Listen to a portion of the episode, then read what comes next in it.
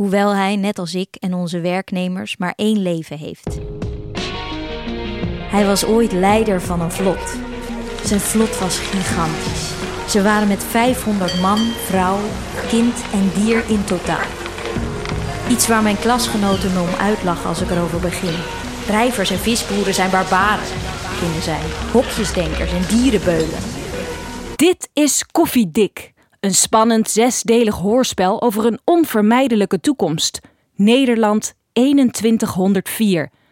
Zes personages, zes spraakmakende schrijvers, zes verhalen uit de stad van de toekomst. In deze aflevering het verhaal Mr. Backyard, geschreven door Pelumi Adejumo en ingesproken door Diewertje Deer. In deze wereld is in harmonie leven met de natuur en alles wat erin leeft vanzelfsprekend. Je neemt alleen wat zichzelf ook weg wil geven. Dat is wat Hoop geleerd heeft van haar vader. En dat is wat ze doet. Voor hem. De man die ze zo bewondert.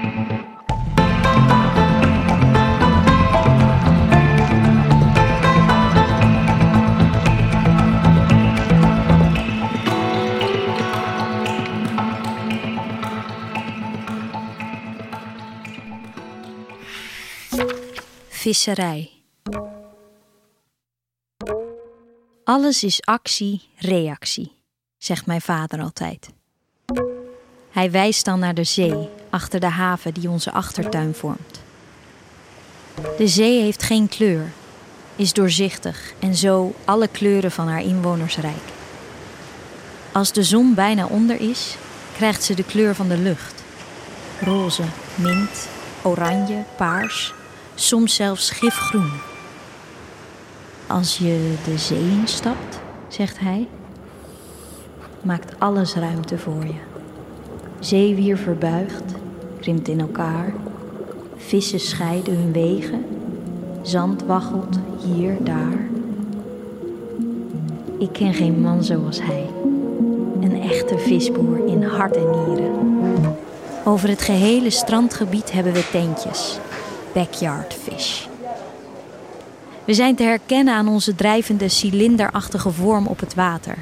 Laag en met een plat, langwerpig dak voor de optimale verkoeling. En aan het zeewier natuurlijk, dat soms helemaal tot het dak kan groeien en groen licht straalt. De mannen die voor ons werken hebben allemaal de leeftijd van mijn vader. Harige, kleine, stevige mannen. Hij kent ze nog van zijn tijd als drijver. Mijn vader is dus niet altijd visboer geweest, hoewel hij, net als ik en onze werknemers, maar één leven heeft. Hij was ooit leider van een vlot. Zijn vlot was gigantisch. Ze waren met 500 man, vrouw, kind en dier in totaal. Iets waar mijn klasgenoten me om uitlachen als ik erover begin. Drijvers en visboeren zijn barbaren, vinden zij. Hokjesdenkers en dierenbeulen. Het uitlachen begon toen ik in mijn eerste leerjaar een presentatie over visserijen gaf.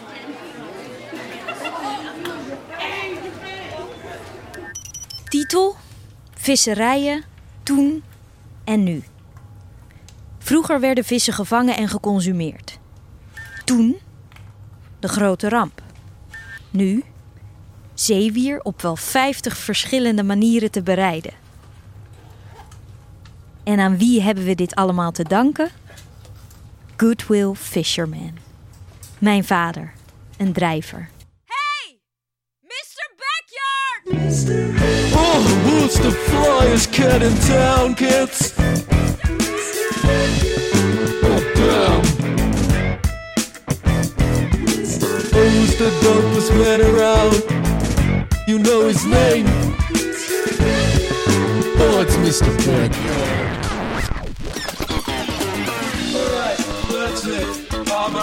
Mr. Backyard. Mijn klasgenoten wilden er niets over horen. Eén iemand, Drinken heet hij, vroeg of dat de reden is waarom ik zo stink.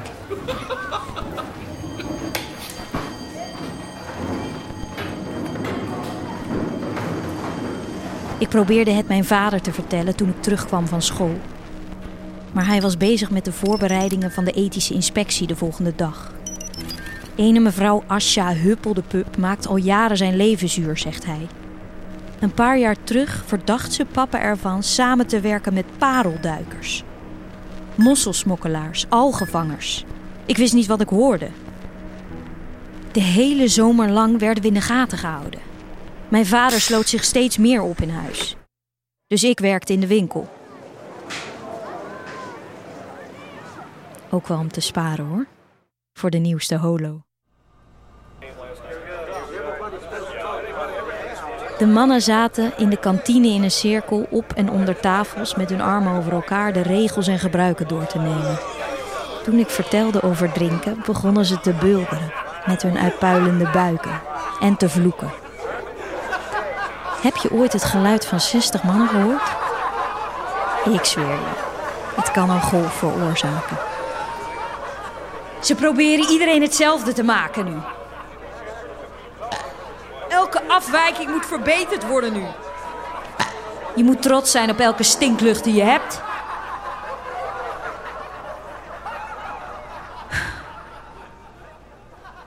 Ik liep weg de achtertuin in. Ze begrijpen het niet. Het is vermoeiend om anders te zijn. Het begint al bij mijn naam. Hoop. In onze achtertuin kom je direct met je voeten in strandzand. De zee is onze achtertuin.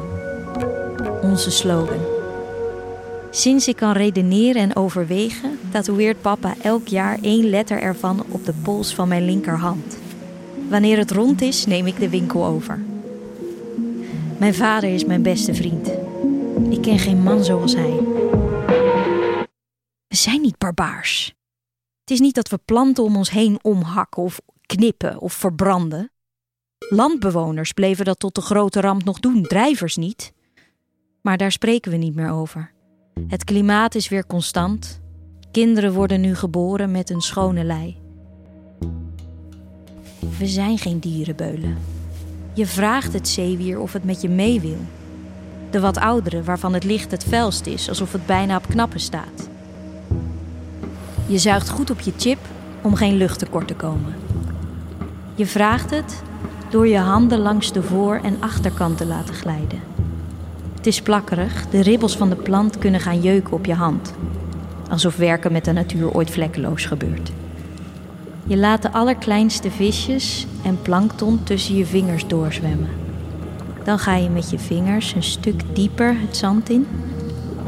Je duwt je vingers erin, maakt een kuiltje van je hand. Als het goed is, als het mee wil, hoef je maar een klein stukje te tillen en het zeewier raakt los. Rust in je palm. Er is geen vredigere manier om te sterven dan in de rust van een palm. Meet me underwater. I'll be a perfect lover. As long as you bury my sins, bury my sins deep down. Keep it calm, keep it quiet now. Give me all, give me time now.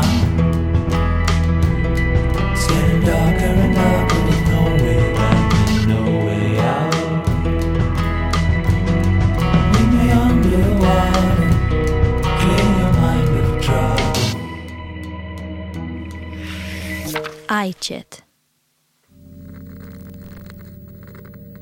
Toen ik Stok, naast papa mijn enige vriend, mijn echte naam vertelde, moest hij lachen. Hij kende mij als Stinkdier van Stinkdier 877, de naam die ik bij het instellen van mijn holo gebruikte. De eerste reis die ik maakte was een kanotrip op de Rode Zee. Stok was mijn gids. Hij noemde dolfijnen, mijn lievelingsdieren, engelen van de zee. Hij leidde me naar zeevonken toe. Sindsdien spreken we dag en nacht. Virtueel hebben we samen al een kwart van de wereld gezien. En op mijn geboortedag verraste hij me door als hologram op visite te komen in mijn slaapkamer. Onze handen raakten lucht, maar ik vloepte er toch uit. Aangenaam. Hoop. Hij heeft sluik, zilver haar tot aan zijn knieholtes. Als hij lacht, buigt zijn lichaam voorover en valt zijn haar over zijn gezicht. Hij straalt licht. Zoiets ouderwets had hij niet van me verwacht. Om nog een gegeven naam te dragen, omdat ik zo eigenzinnig ben. Ik zei niet dat ik van hoop al heel jong mijn officiële naam heb gemaakt. Hij vond het typerend voor voormalige drijvers om zoveel toekomstperspectief in een kind te leggen. Dit is Stok zijn derde leven. En hij heeft zich twee keer laten omscholen. Stok heeft meegekregen hoe zuiderlingen alles verloren en het rijk op het water bouwden. Maar in een andere levensfase. Daar praat hij zelden over. Ik heb nooit gevraagd hoe oud hij is. En hij ook niet aan mij. Ik vind hem leuk. Omdat hij mij doet denken aan de zee. Hij heeft ondoordringbare gebieden. Mijn ouders zijn nakomelingen van vluchtelingen uit het zuiden. Ze hebben zelf niet de ramp meegemaakt, want ze leefden al generatielang als drijver op zee. Mijn vader wilde nooit aan land wonen, maar mijn moeder werd ziek. Soms fantaseer ik over mijn geboorte. Dat mijn moeder in plaats van gewikkeld tussen draden en piepjes, koraal onder haar voeten kon voelen. En in plaats van onbekende afstandelijke handen, ze geholpen werd door dolfijnen. Zou ze het dan wel overleefd hebben? Hoe zou ik zijn geweest als mijn eerste hap naar adem in het water was? Zou ik mezelf dan zout genoemd hebben? Misschien niet. Ik vind het wel mooi om in mijn naam een wens in een wens te dragen. Stok draagt de naam van het eerste woord dat hij uitsprak, zoals veel van mijn klasgenoten. Water, drinken, bal, ikke. Alsof dat je eigen naam kiezen is. Je bent in die levensfase juist niets meer dan het product van je ouders. Stok wil mij in vlees en bloed ontmoeten tijdens sterrennacht. Hij stelde het voor toen ik vertelde dat mijn vader geen sterrennacht viert. Hij werkt gewoon door. Mijn vader is een beetje ouderwets op die manier. Ik weet dat als ik hem over Stok zou vertellen, hij mijn holo zou afpakken. Sterker nog, hij zou zijn werknemers op surveillance zetten om mij in de gaten te houden. Hij is zo iemand die niet gelooft in liefde gevonden op het internet, maar wel in liefde op het eerste gezicht. Stok wil afspreken bij een wilgenboom. Die groeit vlak bij een natuurbron in de wijk Urban Jungle. Ik ben er nog nooit geweest. Weet alleen dat het er erg stil is. Normaliter groeien zwarte wilgen snel en sterven ze jong, maar deze is al 480 jaar oud. Over een paar jaar wordt hen te zwaar aan de bovenkant, zegt Stok, en valt hen om. Het is een populaire boom onder zijn collega-boomchirurgen.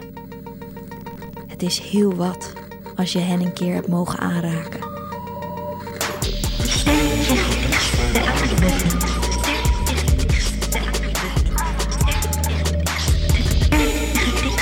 Tijdens sterrennacht zijn wij altijd het enige huis in de straat waarvan de lampen aanblijven.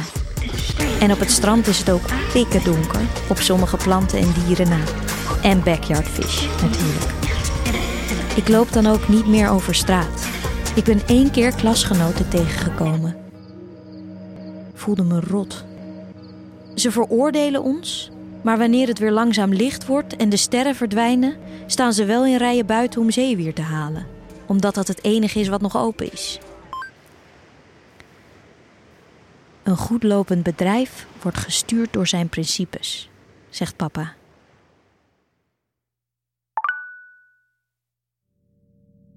Stok stuurt me een foto van de wilg. Hen groeit op een kleine klif boven de rivier. Honderden wortels en stengels zijn vergroeid met de rand van de klif. Deze doet me denken aan de aders in het voorhoofd van mijn vader wanneer hij gespannen is. De wilg leunt inderdaad voorovergebogen. Alsof hij met de takken het water wil aanraken. Ik stuur hem een lijstje sterrennamen door, die ik uit mijn hoofd moet kennen voor de toetsing. Gek genoeg vergeet ik juist de zon steeds op te noemen. Hij zegt: De ster die zich het dichtst bij de aarde bevindt. Wachten om zijn stem te horen zonder delay.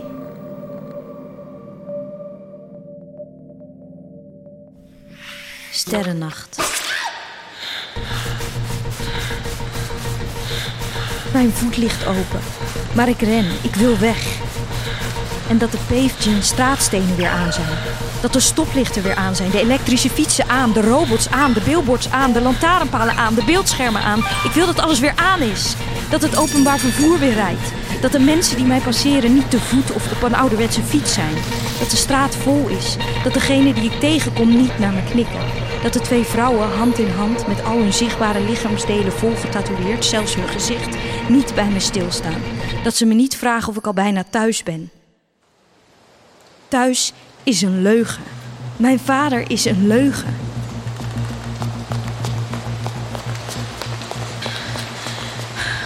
In een grot probeer ik op adem te komen. Wat moet ik doen? Wat is het moment waarop iemand besluit het leven om te gooien? Je komt ze tegen in boeken, in films.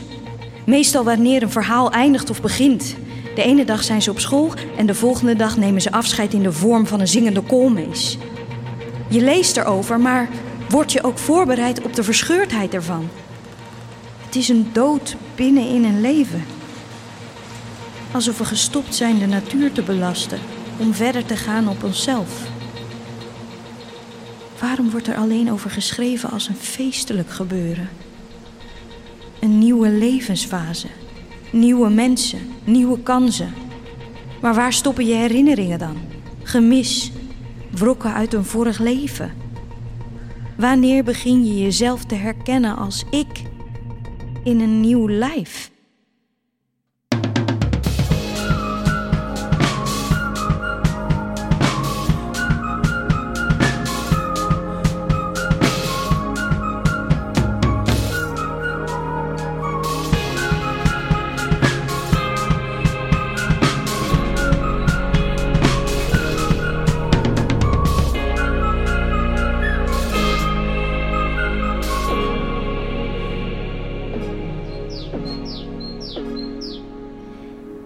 Eerder die avond, zoals elk jaar, kwam hij thuis om zes uur.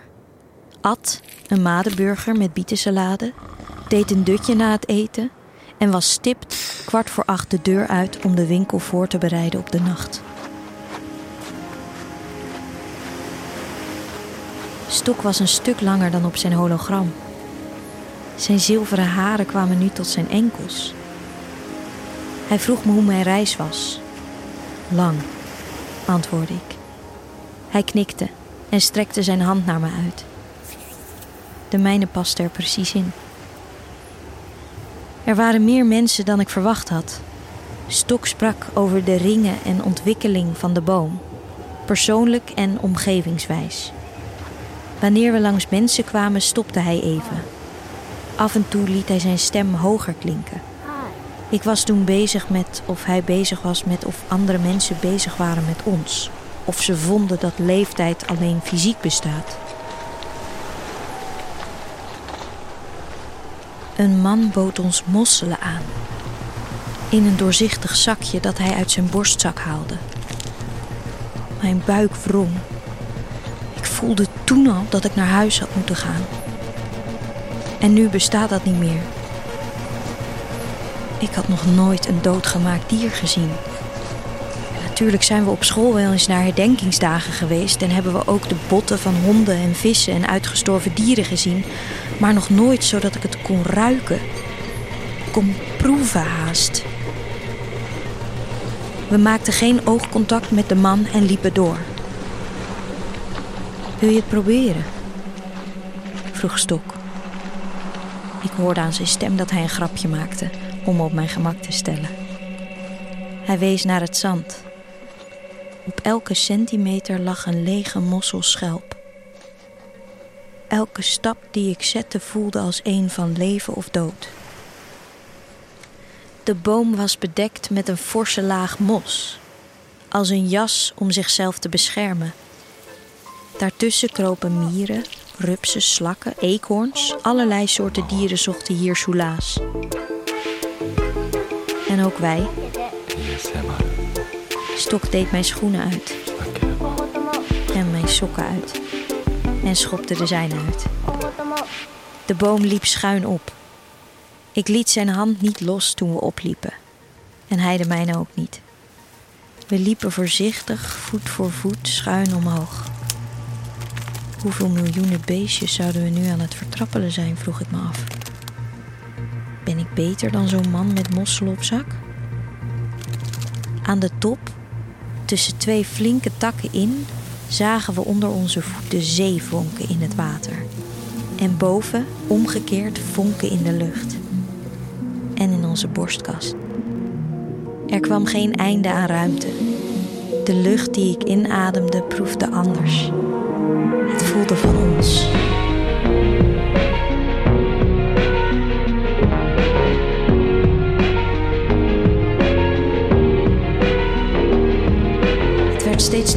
Het strand, maar alsnog muisstil. De lucht vochtig. Er reed iemand met een kruiwagen langs, zoals wij die hadden in de visserij. De man zwaaide met een doorzichtig zakje mosselen en keek omhoog naar de boom. Iemand riep: Hey! Mr. Backyard!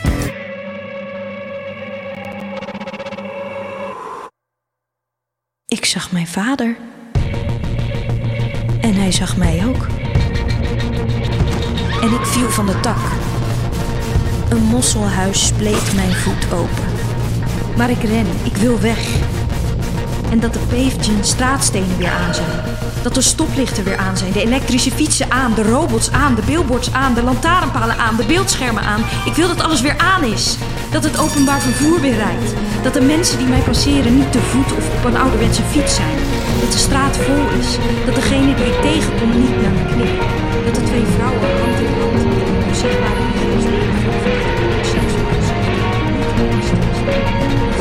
of ik al bijna thuis ben. Thuis is een leugen. Mijn vader is een leugen. Er is niemand die zomaar een leven achterlaat.